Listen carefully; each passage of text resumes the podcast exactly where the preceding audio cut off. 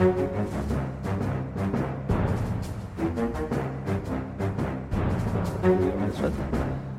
ja, da ønsker vi velkommen til en ny uke med Aftenpodden. Det, er, uh, det har vært en uh, Nå begynner Norge å rulle i gang igjen. jeg er Lars Glomnes. Med meg så har jeg rett og slett Trine Eilertsen fra Rio. God dag, god dag. God dag, god dag.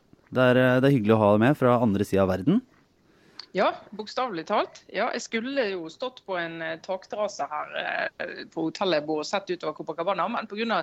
dekningsutfordringer sitter jeg nede i en kjeller inne i et rom uten vinduer. Men med masse wifi. Uh, og i andre enden av den sånn, skalaen så er du ute og går i friluft, Sara Sørheim?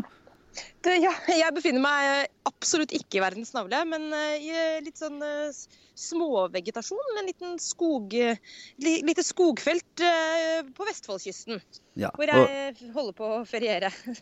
og desperat trenger kontakt med andre mennesker. Så eh, glad for å være, være her i Aftenpodden studio. Noen... Eller det utvida studio. Ja, det utvida studio. Det er meget utvida studio. Jeg er jo da den eneste. Kloden som studio i dag. Ja. ja. Jeg sitter som den eneste i uh, vårt, uh, vårt, faste lille rom. Uh, litt, litt, ensomt, men også, også, fint da, å ha dere med uansett. Vi tenkte at vi skulle kjøre litt på, selv om vi var spredd for alle vinder. For nå er jo høsten her, og det begynner så smått å lukte politikk. Rett og slett. Så da tenkte vi skulle snakke litt om, om Arendalsuka, og litt om noen nye målinger og kampen mellom den lange valgkampen mellom Erna Solberg og Jonas Gahr Støre. Og så har det vært en, nok en uke der et uh, ungt Altså talentbeskrivelsen i norsk politikk, som i norsk fotball, er litt utvidet. Så de begynner jo å Man skal si unge, unge sterke politikere som, uh, som, gir seg på Stortinget uh, i en tid der folk tidligere begynte. og så skal vi vel ta litt obligatorisk refleksjon og se om det er noen gode, men ubekreftede rykter. Det er vel kanskje litt tynt, men vi, vi prøver nå på. Nå går det veldig mye rundt, Sara. Er det du, jeg prøver å unngå vinden, men det er som kjent vanskelig i Norge. Så vi får bare unnskylde som vanlig eh, litt sånne rare lyder fra meg. Ikke bare babyen denne gangen, men eventuelle vindkast også. Jeg skal prøve å holde meg i, i skogen, sånn at det blir mest mulig rolig. Ikke sant. Men uh, Trine Eilertsen, du må jo fortelle litt. da. Du klarte så vidt å komme deg til Rio. Du var på hengende håret her i forrige uke, rett etter vår forrige utgave. Ja, det var, det var, egentlig litt flaks eh, da jeg skulle printe ut eh, flybilletten min til Rio sånn i ett-tiden forrige torsdag, og fant ingen flybillett. Ringte til reisebyrået og lurte på hvor flybilletten min var. Nei, men du har jo ingen flybillett, sa de. Og så har det vært kluss i, kommunikasjonen, så jeg sto der med alle koffertene mine uten flybillett. Eh, og sa ja, men jeg må jo ha flybillett, jeg skal jo reise nå. Eh, og så fikk jeg da, um, fant de først noen kjempedyre billetter og sa men det, det, går ikke, det, det går ikke så fikk jeg faktisk en billett eh, til samme pris samme dag med et litt annet eh, flyselskap. Så det var jo veldig flaks, må jeg si. Og kanskje litt ufortjent. Men her er jeg altså. Og har sett uh, uendelige mengder sport. Det er jo det med OL at der får du jo alt mulig i, i samme setting. Alt fra svømming og friidrett til BMX-sykling, seiling, kanopadling, fotball, turn. Jeg tror høydepunktet var eh, finalen i vektløfting for den aller tyngste klassen. Det, så langt har det vært eh, favoritten. Et eventyr av en uh, finale. Du Trine, jeg må, bare, jeg må, bare, si at det holdt meg våken. Nå skal vi snart komme til, tilbake til norsk politikk, men, men dere, vektløftning i den der tyngste klassen det, Jeg ble sittende oppe.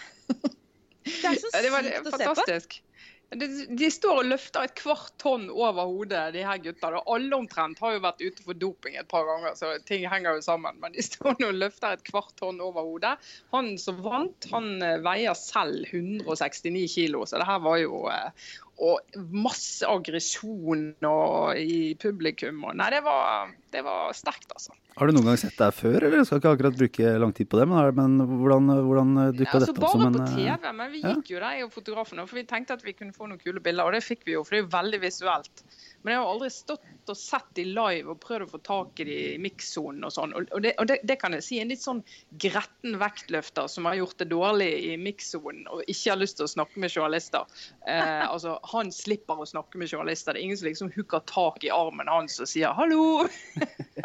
Så du ser bare coacher og alt og bare løper etter og prøver å begrense skaden, for å si det sånn. ja. Men uh, for å gå fra, fra, å snakke om uh, der vi er, til uh, der vi i år ikke er, nemlig Arendalsuka. Det har jo blitt en, blitt en tradisjon etter hvert, og kanskje satt seg mer i år enn noen gang. Det virker som, ja. det er litt sånn når man ikke er der Jeg sitter jo da og prøver å styre litt nyheter inn i, inn i hovedstaden her, og er bundet fast til et skrivebord. Det er jo litt bittert. Man har vært noen runder i Arendal. Og nå virker det som absolutt alle er der. Ja, og Selv om det er et mellomvalgsår, som jo tidligere har vært en utfordring for Arendalsuka, fordi maskineriet, det politiske, ikke har vært helt i gang. og det ikke har vært like mye som står på spill, og debatten er ikke akkurat like hva skal vi si, tens eh, sånn i et pauseår. Eh, så har det vært litt sånn vanskelig å få nok folk til å komme dit. Men nå ser vi at eh, nå er det the place to be for hva skal vi kalle dem? Den snakkende klassen politikere, mediefolk, eh, organisasjonsfolk, rådgivere osv. Nå, og nå ser man faktisk at eh, det mellomvalgåret, da har folk tid til å komme, i motsetning til valgåret der man skal løpe fra den ene valgkampåpningen eller den ene eh, arrangementet til den andre. Så nå virker det som det er en del politikere som, som henger der og, og, er litt, og har litt tid til å være ute og prate og kanskje ta en øl og, og snakke ja, med folk. Så må vi jo, vi i disse effektiviseringstider, da, tenker jeg, synes du, må vi jo tenke at for lobbyistene så er jo dette her et skikkelig effektiviseringstiltak. Vi var jo lobbet mer på én uke i Arendal enn på et halvt år til sammen, er jeg sikker på. Så det må vi jo bare eh, bejuble. Og så sier jo en del av disse Om det er noen innsigelser da, som man gjerne hører, så er det jo at, at Arendalsuka er jo egentlig akkurat som en litt aktiv uteuke i Oslo. For du møter jo de samme folka Eh, på lignende steder og i akkurat samme settingen. Det er bare at du har, en, uh, du har Arendal der. Uh, jeg, jeg, tror, jeg, tror, ikke det er mange av de som er der som kommer hjem med en ny omgangskrets fra Arendal og Lillesand i bagasjen. De snakker nok med, mest med de de ville ha snakket med i Oslo uansett. Og denne uka her så er det jo faktisk sånn at de ikke heller går gjennom helgen. Så, så dermed så, så får de vanlige, hva skal jeg si Heter det Arendal-litter? Jeg vet ikke. Så de får jo nesten ikke sett noe som helst, for de er vel forhåpentligvis på jobb og gjør et ærlig arbeid. Ja, De driver jo Norge videre.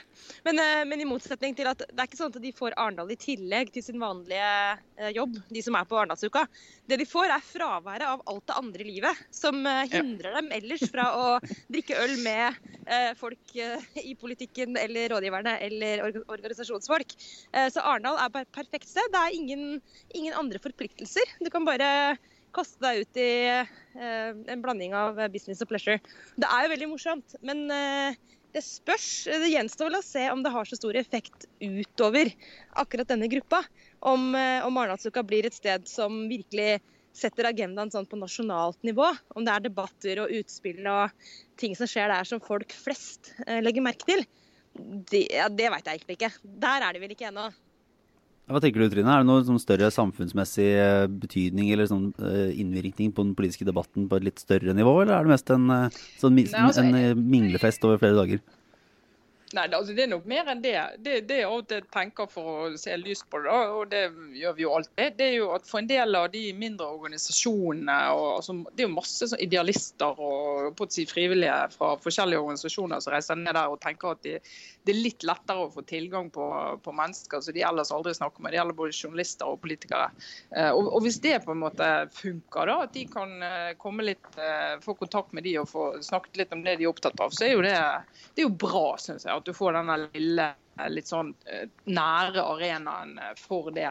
Men sånn for det store, altså for ordskiftet nasjonalt i politikk, altså du ser kommer noen, eh, noen utspill, men, men, som Sara var inne på, de er ikke, de ikke ennå i den virkelige valgkampen hvor alle partiprogrammene er klare og hvor utspill faktisk er noe de går til valg på.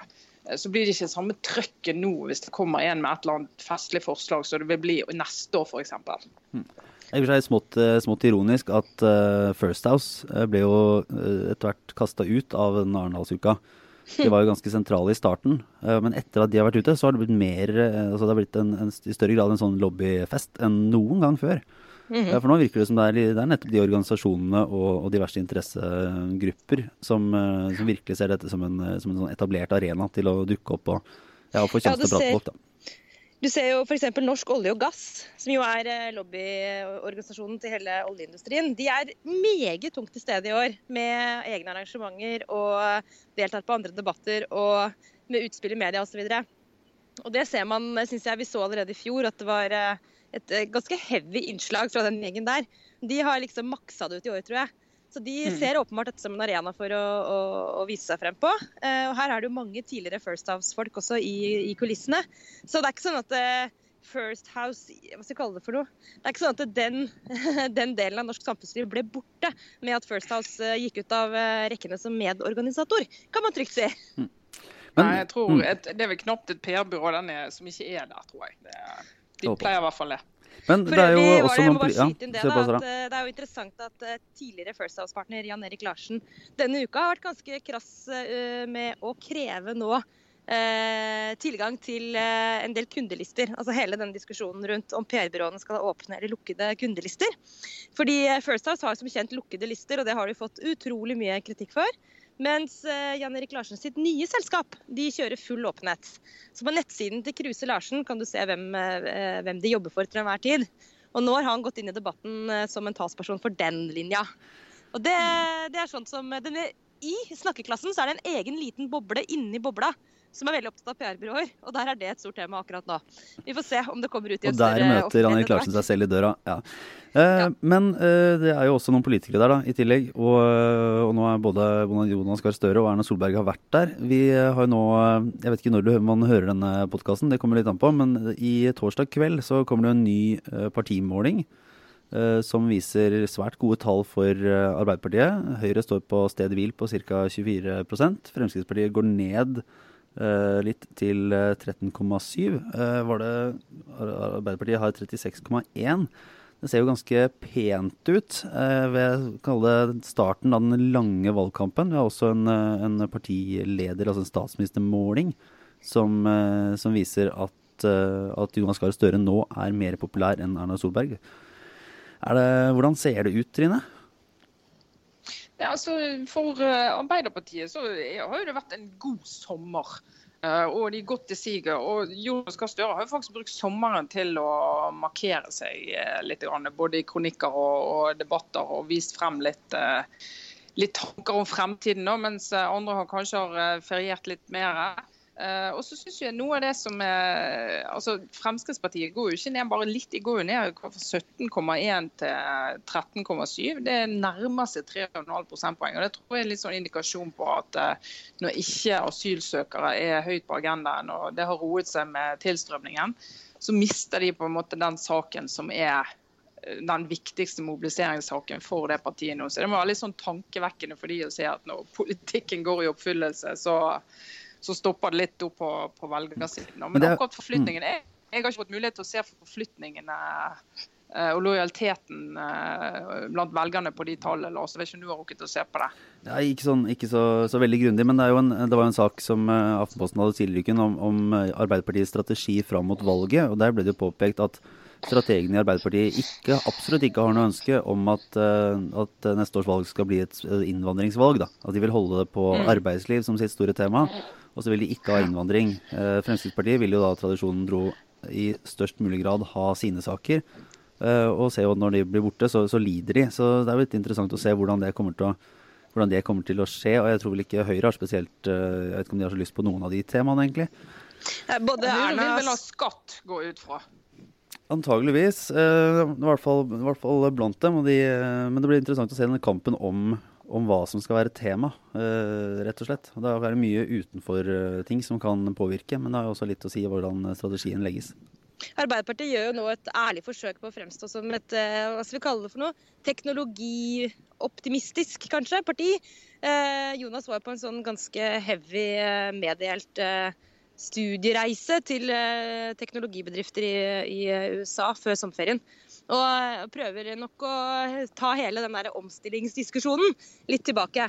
Og vise at han, eh, at han ser at Norge kan liksom bli et foregangsland for å, å, bruke teknologien og den teknologiske revolusjonen på en positiv måte. Det er et litt sånn tungt tema å få opp, men jeg tipper han eh, prøver å i hvert fall score på, eh, på skalaen hos eh, unge, urbane mennesker som er opptatt av dette temaet. Men, eh, men jeg vet ikke helt om det er et egnet, et egnet felt for han sånn i en større nasjonal sammenheng. Men han prøver i hvert fall å kjøre seg frem som en, sånn, en som forstår teknologi. får vi se om han lykkes med Jeg Du hørte vel at du ga så mye refs i den etter den eh, teknologikonferansen som Aftenposten arrangerte i, i eh, vår, var det det? Eller vinter? Da, var, da Ja. ga han jo glatte lag for hvordan Ja. han eh, så ut som han eh, bare prata talepunkter og ikke hadde tatt det inn over seg. Han, var jo veldig hjelpeløs eh, i vinter, men han har jo ansatt bl.a. En, en av de, våre beste folk fra Aftenposten til å hjelpe seg med å, å forstå dette. Uh, og har brukt jeg tror, Og det vet jeg jo i Arbeiderpartiet, og har det jo vært en diskusjon om at her, her må vi få opp farten. Vi, på, vi ligger bakpå. Og hvis arbeidsliv skal være temaet, uh, så er det klart at for mange unge mennesker, de som er på vei ut av studiestedene, og de som er liksom prøver å finne plassen sin i det nye arbeidslivet, så det at det hittil omtrent ikke har eksistert politikk for hvordan man skal håndtere disse endringene i arbeidslivet. Det er helt akutt for alle partier, og ikke minst for selveste Arbeiderpartiet. De er nødt til å ha tanker og politikk rundt det. Så det, var, det, var, det er ikke et minutt for tidlig, men der har de fått opp farten, altså. Ja, I motsetning til LO, som jo den gangen fremsto helt, helt sånn skrekkelig bakpå. Og, eh, som Og ikke- fremdeles gjør det. Nettopp. Så det er klart at eh, han uh, har kanskje ikke noe valg, men uh, han har fall, vi kan i se, han har i hvert fall vært uh, rundt omkring hos en del bedrifter og organisasjoner som gjør veldig mye riktig når han var på denne studieturen sin. Så jeg er spent på om det, om det slår igjennom. Men han er jo ikke Støre han, han er jo mer sånn ettertankens mann enn ekstremt fremoverretta. Men eh, dette jobber han sikkert med Må ganske innrømme at de aktivt. der ja. stu studieturopplegget var jo både den til Trine Skei Grande og Siv Jensen som skulle på studietur i, miljøvern, og Jonas Gahr Støre som skal på studietur i omstilling. Jeg, er litt sånn det fram, det, jeg får jo håpe de får noe nyttig ut av det, men eh, jeg sliter litt med å se hvor, hvor enormt revolusjonerende en sånn tur kan være. Det høres, eh, det høres litt billig ut. Vi får se. Men det blir i hvert fall eh, Skeptisk. Det blir i hvert fall interessant å se hvilke, altså hvem som vinner, som Trine var inne på. Hvem som vinner eh, agendasettingen. ikke sant? Hvilke saker skal bli sentrale? Hvilke saker er det vi i mediene skal, eh, skal konsentrere oss om når vi skal sette partiene opp mot hverandre? Det slaget har jo starta for lengst. Og det å, Ja, og det er det å ja. Jeg så eh, Jan Tore Sanner, eh, nestleder i Høyre bl.a.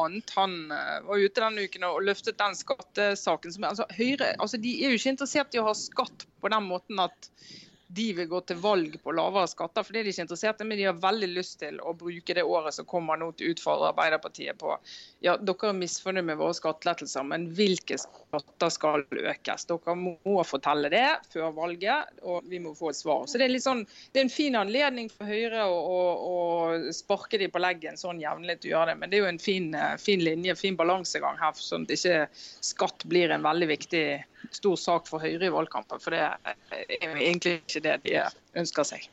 Jeg tror eh, det har vært eh, Det, er ikke akkurat eh, full gass i norsk politikk ennå, men det drypper nå litt nyheter innimellom. Og, og noe som Det kom en ny en her denne uken i at Buskerud-representant Torgeir Micaelsen er sett på som en slags kronprins i Arbeiderpartiet.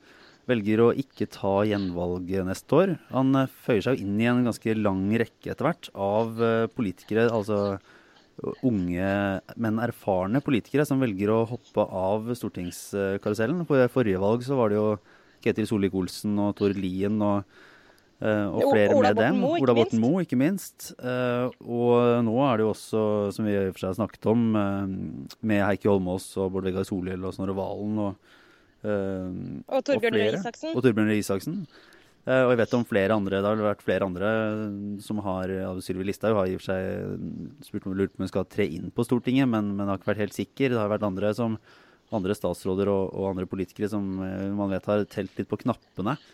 Eh, spørsmålet er om dette er ja, er det, er det mer av disse utskiftningene nå, eller og hva, er det som, hva, hva gjør at eh, folk sier nei takk til Stortinget, tror dere? Altså det som er litt påfallende, er jo at eh, det akkurat nå er eh, politikere i en ganske nøyaktig samme alder. Altså dette her er mannlige, faktisk, så for de fleste av dem.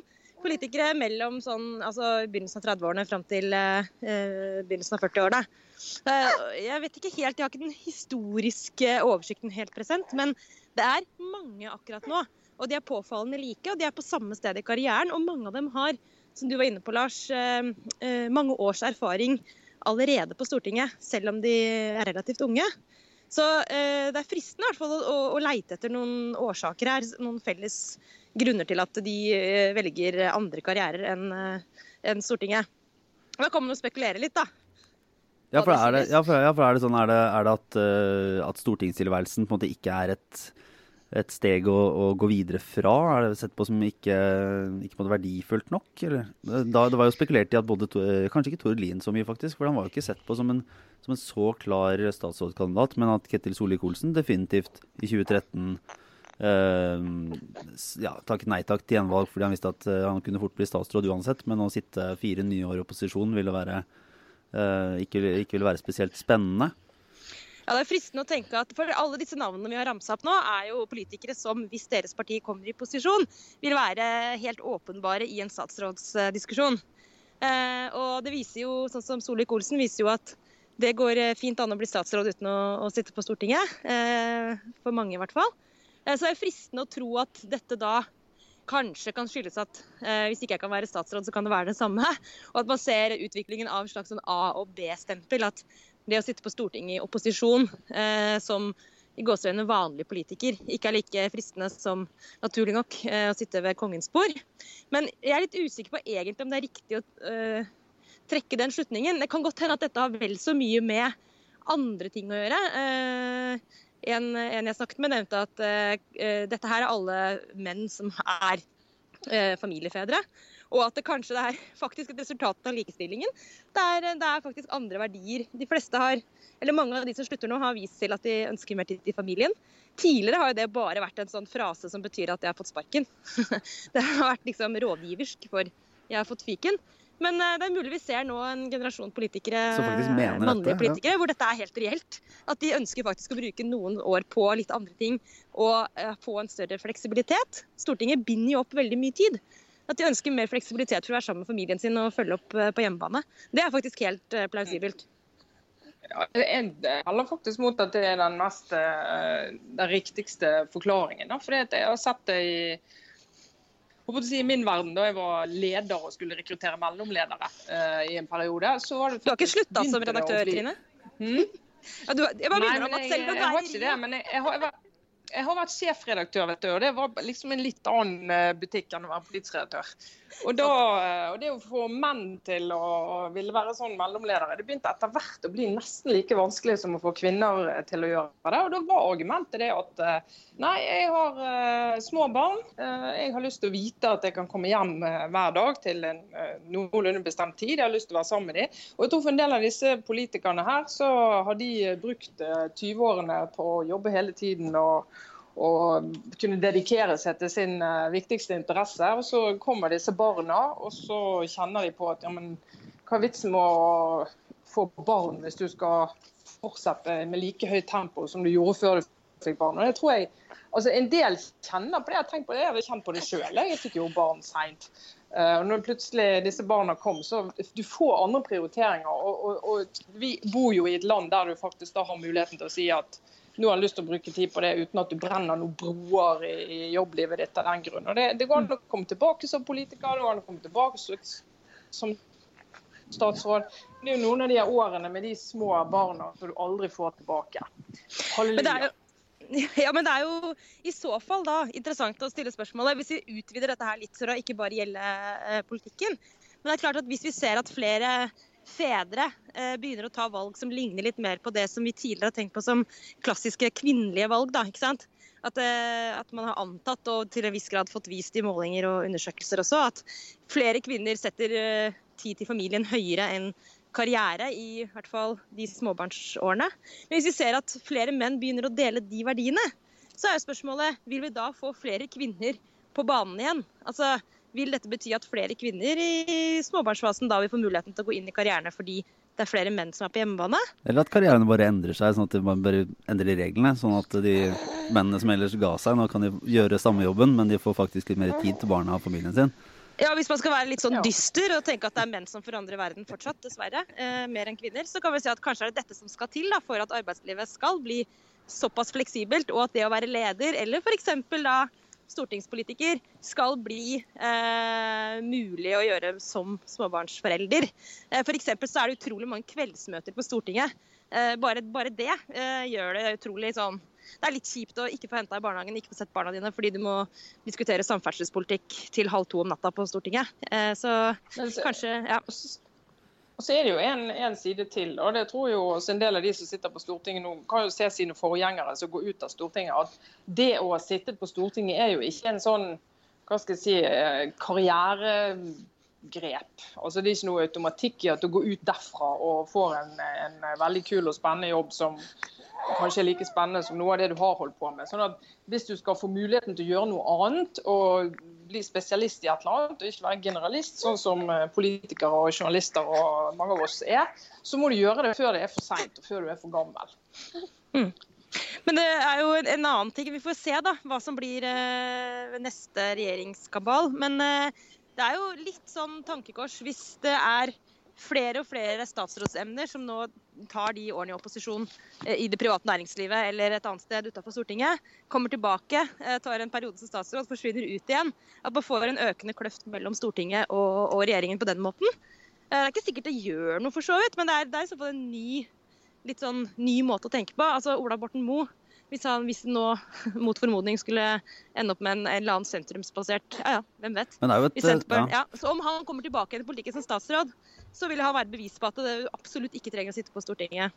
Han var vel den første som, eh, som valgte å være nestleder utenfor Stortinget nå av, de, av, den generasjonen her, var han ikke det? Men det er jo litt sånn hvis man faktisk vil ha, hvis man har et ideal om at de som sitter i regjering ikke bare skal ha 25 eh, år på Stortinget bak seg, så er det jo et eller annet med den karrierestigen for stortingspolitikere som som enten må være på denne måten, eller eh, så blir det vanskelig å se. da, fordi nå er det jo flere og flere som blir valgt inn tidlig i 20-årene. Og hvis de da har sittet i 15 år på Stortinget, ja. Eh, og man vil at de skal ha annen erfaring før de går inn og skal styre landet, så må de jo på et eller annet tidspunkt gi seg selv den, ja, et, et møte med den ytre, virkelige verden. da. La oss konkludere med at uh, enn så lenge er ingen grunn til å rope alarm. Uh, kanskje bare se at uh, dette er bare et eksempel på at tiden forandrer seg. Og det går an i hvert fall å være litt optimistisk på vegne, på vegne av dette her. I hvert fall hvis man tar seg litt sammen. Så får vi se. Men det er ikke sikkert dette betyr ja. Så er det ikke sikkert at disse familiegrunnene veier så tungt hvis valget står mellom statsråd og noe annet som stortingsplass. og noe annet. Det får vi jo se på. Det er greit å få en liten pause før, før potensielle statsrådskjøret. Vært litt hjemme og, og hilst på familien, så de kjenner igjen. Men eh, skal vi gå videre til uh, vår faste spalte med obligatorisk refleksjon inn i, uh, inn i helgen. Uh, jeg vet ikke, Sara, vil du begynne med, med, ditt lille hjørne? Ja, altså Jeg klarer ikke å unngå helt Storbritannia denne uka heller. Selv om det er litt roligere nå i britisk politikk. Men det er bare fordi det har vært så sinnssykt. Så det er fortsatt drama på høyt nivå.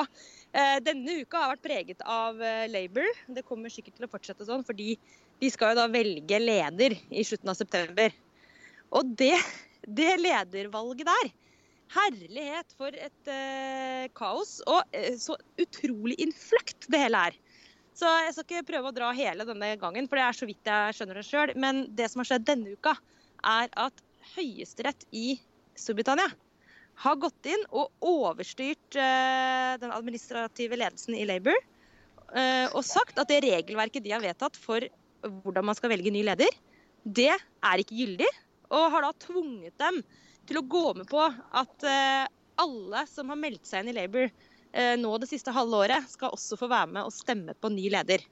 Partiet ønsket et regelverk hvor det var så seks måneders si, karantenetid fra du meldte deg inn til du fikk være med å stemme. Men hvordan slår det inn, da? Fordi i, eh, altså, da, da, Jeremy Corbyn ble valgt, så ble han jo valgt bl.a. fordi han fikk en haug med nye folk til å melde seg inn og på den måte, altså ikke kuppa i noe ufin forstand, men, men uh, fikk et flertall som gjorde at han, uh, han ble leder. Mm. Skulle, hvem var det egentlig som da ville at, at, at, det skulle endres nå? Var det Corbyn som ville at nye medlemmer skulle fortsette å kunne bestemme, eller var det da noen som satsa på en mobilisering mot Corbyn, som ville ha nye medlemmer for å veie opp for, eh, for massene fra, fra, forrige runde. Ja, altså, takk for at du spør meg om dette, Lars. For det har jeg faktisk brukt litt tid på å prøve å finne ut av. Det som jo eh, er en liten mindfuck akkurat nå, er at det som heter NEC, altså National Executive Committee i Labour, som er den administrative ledelsen i Labour, det er jo ikke eh, Corbyns folk. Der sitter det mange som jobber mot Corbyn. Og de har eh, ønsket seg da et regelverk hvor de nettopp ikke skal la nye medlemmer få, få stemme. Fordi de antar at nye medlemmer eh, er positive til Corbyn. De eh, på hans side har drevet veldig aktiv rekruttering av nye medlemmer, sånn som de også gjorde forrige gang. Men nå har det vært valg på en ny sånn NEC. som skal, eh, skal starte opp fra etter det nye ledervalget. Og der sitter det bare eh, pro Corbyn-folk. Så dette er siste krampetrekning for liksom den andre siden i partiet. da, eh, Å prøve å hindre den fullstendige overtakelsen eh, og holde på dette regelverket om, om eh, seks måneders karantene. Og så er det da sånn at det er noen medlemmer, noen menige medlemmer av Labour, nyinnmeldte, som har gått til sak hvor de mener at det er ulovlig å komme drassende med den seksmånedersregelen nå, fordi de ble ikke orientert om det da de meldte seg inn. Og de har betalt 25 pund for å bli Labour-medlemmer for å stemme. Og det er dette Høyesterett nå har gått inn og, eh, og, sett på, og de har da kommet frem til at ja, det er eh, eh sånn at juridisk sett så skal disse nye medlemmene få være med å stemme. Så nå ser det ut som at dette vil ganske sikkert slå positivt ut for Corbyn. Men det er et lite spørsmålstegn, fordi eh, man vet ikke helt. Man har ikke så veldig mye data på disse nye medlemmene. Man antar at er, mange av dem er pro Corbyn. Men eh, hele brexit og hans elendige innsats i brexit er et mulig sånn eh, uromoment her. Fordi mange av de som er pro Corbyn, er også pro EU. Eh, og kan kanskje ha, ha fått litt sånn, eh, han litt opp i halsen pga. den eh, hva skal vi kalle det for noe? Litt mangelfull innsatsen hans eh, i, i, den kampanjen, eller den valgkampen. Så det er litt spenning, men det ser ut som da at, at Corbyn tar dette her. Og det betyr jo da ja, altså hva det betyr. Mulig en, en, slutten på Labour slik vi kjenner det, og begynnelsen på noe nytt. og, og en stor feiring eh, hos toryene, sannsynligvis. Det er det beste Theresa May kan ønske seg akkurat nå. Det er at dette bare fortsetter. Og det som helt til slutt kanskje er mest tankevekkende sånn sett utenfra, er jo at det er, altså det er jo helt absurd at et partis valg av eh, leder altså skal avgjøres av domstolene. Det mener jeg. Det, det, uh, uansett hvilken side man, man tilhører i, i, i Labour-slaget, så er jo ikke det spesielt demokratisk. Det, det, må sies. Jeg tror det er ingen som skal være i tvil om at når du sier at uh, din uh, nye, nydelige lille sønn sover mye, så er det en løgn. Hvis du er flink til å lese om dagen, Sara. Ja, hva mener du? Nei, Det er tydelig at du får dyrka interessene dine, og, på tross av altså, her eh, gjelder det bare å sånn. prioritere knallhardt. Jeg kan jo Uten å bli altfor privat her, kan jeg fortelle Aftenpoddens lyttere at uh, akkurat nå sitter hun som snart er tre, med min iPad i senga si. Og det har hun gjort siden vi starta. Sånn at, eh, og det gjorde hun i grunnen et par timer i dag morges også, så at jeg kunne lese litt mer om eh, siste utvikling i, i Storbritannia. Det handler bare om å prioritere. Eh, hun får se mye på NRK Super, og jeg får kose meg masse med britisk politikk. Så må vi ta konsekvensene seinere. ja, ikke sant. Nei, men det er bra. Jeg har faktisk jeg har tenkt til å, til å komme med et det er, det er, litt aktuelt da, på et sånn mikronivå. Fordi jeg kom på da vi skulle ta det, ha denne podkasten i dag med telefonisk kontakt fra flere verdenshjørner en sak jeg leste om i The Atlantic eh, tidligere i eh, vinter. Som rett og slett er en veldig fascinerende sak som jeg skal poste også på Facebook-gruppa. Men som handler om eh, hvor, hvor, rett og slett fantastisk det er eh, hvordan mennesket holder samtaler gående. Altså hvor kort tid man bruker på å svare, og hvor raskt eh, skifter i, eh, i ordføringen. da. Uh, skjer. Uh, og det er noen som har forska veldig uh, teoretisk på og funnet ut at et sånn gjennomsnittlig skifte mellom de som, to som prater, er på 200 millisekunder. Og det er noe av de raskeste reaksjonene man, man har. da. Det er omtrent på Usain Bolt-nivå? ja, ja, det er, det er, liksom, det er nivå på, på, det en sprinter har ut av startblokkene. og det er mer et sånn snitt. Og de forska på mange forskjellige språk, og dette er en sånn Eh, det har vært, en, vært, tanker om at det er veldig store forskjeller, men det er det egentlig ikke. Det er en sånn menneskelig eh, tversgående grense som er omtrent der. Eh, så de har, eh, Noen forskjeller var det. De så bl.a. at eh, danskene, enkelte danske var oppe i 470 millisekunder. Som var det, liksom det tregeste. Så vi ligger vel kanskje der, da, vi nordmenn. Det er, det er, selvfølgelig, fordi danskene ikke forstår hverandre, som kjent. Så de trenger litt ekstra tid på å prøve å gjette seg frem til hva den de snakker med, egentlig har sagt. De legger inn en vokal, ja. ja. Mens uh, japanerne var nede på syv millisekunder, og det tror jeg det er omtrent uh, Det er bare Da går det fort, altså. Så jeg vil anbefale alle å lese den og tenke litt over. Det er ikke, vi har kanskje hatt litt lengre enn de syv millisekundene i dag, siden vi har måttet forholde oss til teknologien. Men eh, det er i hvert fall det er en veldig, veldig, interessant eh, sak og veldig morsomt å lese. Så jeg skal legge ut den på The Atlantic og skal prøve å høre, føre veldig sånn raske samtaler gjennom hele helgen. ja. Nei, altså her i, i Rio så i hvert fall noen For oss som er i Rio, ja, ja. Eh, The Games. Så eh, i hvert fall det jeg grubler på og sitter og skriver litt om, det er jo litt sånn OL var nå. Eh, nå gikk det jo ikke så gale som alle trodde i Rio. Det var jo Folk skulle bli forgiftet av vannet, malingen rant fra veggene, ingen transport. og Zika-viruset kom til å ta knekken på de fleste. og ja, Det var ikke måte på. Uh, ingenting av det har slått til så langt. Ingen har dødd i vannet. Og Zika-myggen de, de, er nå her, tror jeg, men det er ingen som har latt seg plage med det. men det og Rio-OL da er jo faktisk litt billigere enn London-OL var, så det går liksom riktig retning på, på dette her kostnadsmarerittet med OL. Hvis du tar Sotsji på toppen av listen som en sånn 300 milliarder kroners fest, så er vi nå nede på under 80 milliarder, 70-80 milliarder i Rio. Så sånn sett ser det jo lyst ut. Men så er det jo altså fremtiden til OL. Jeg tror ikke noen i dag hadde kommet på å etablere et konsept som OL. Hvor du skal samle alle disse idrettene og forvente at en by skal lage arenaer for, for alle disse idrettene. Denne her voldsomme optimismen rundt hva det kan føre til av, av gode ting i byen. Da. Og i, i, i Rio, som altså, arrangerer OL på et punkt der Brasil ikke har vært i en større økonomisk krise på 80 år, så ble, det, sitter du fremdeles og tenker på Du går oppe blant disse arenaene. Det er som om du skulle slenge rundt seks-syv Telenor-arenaer på, på, et jorde.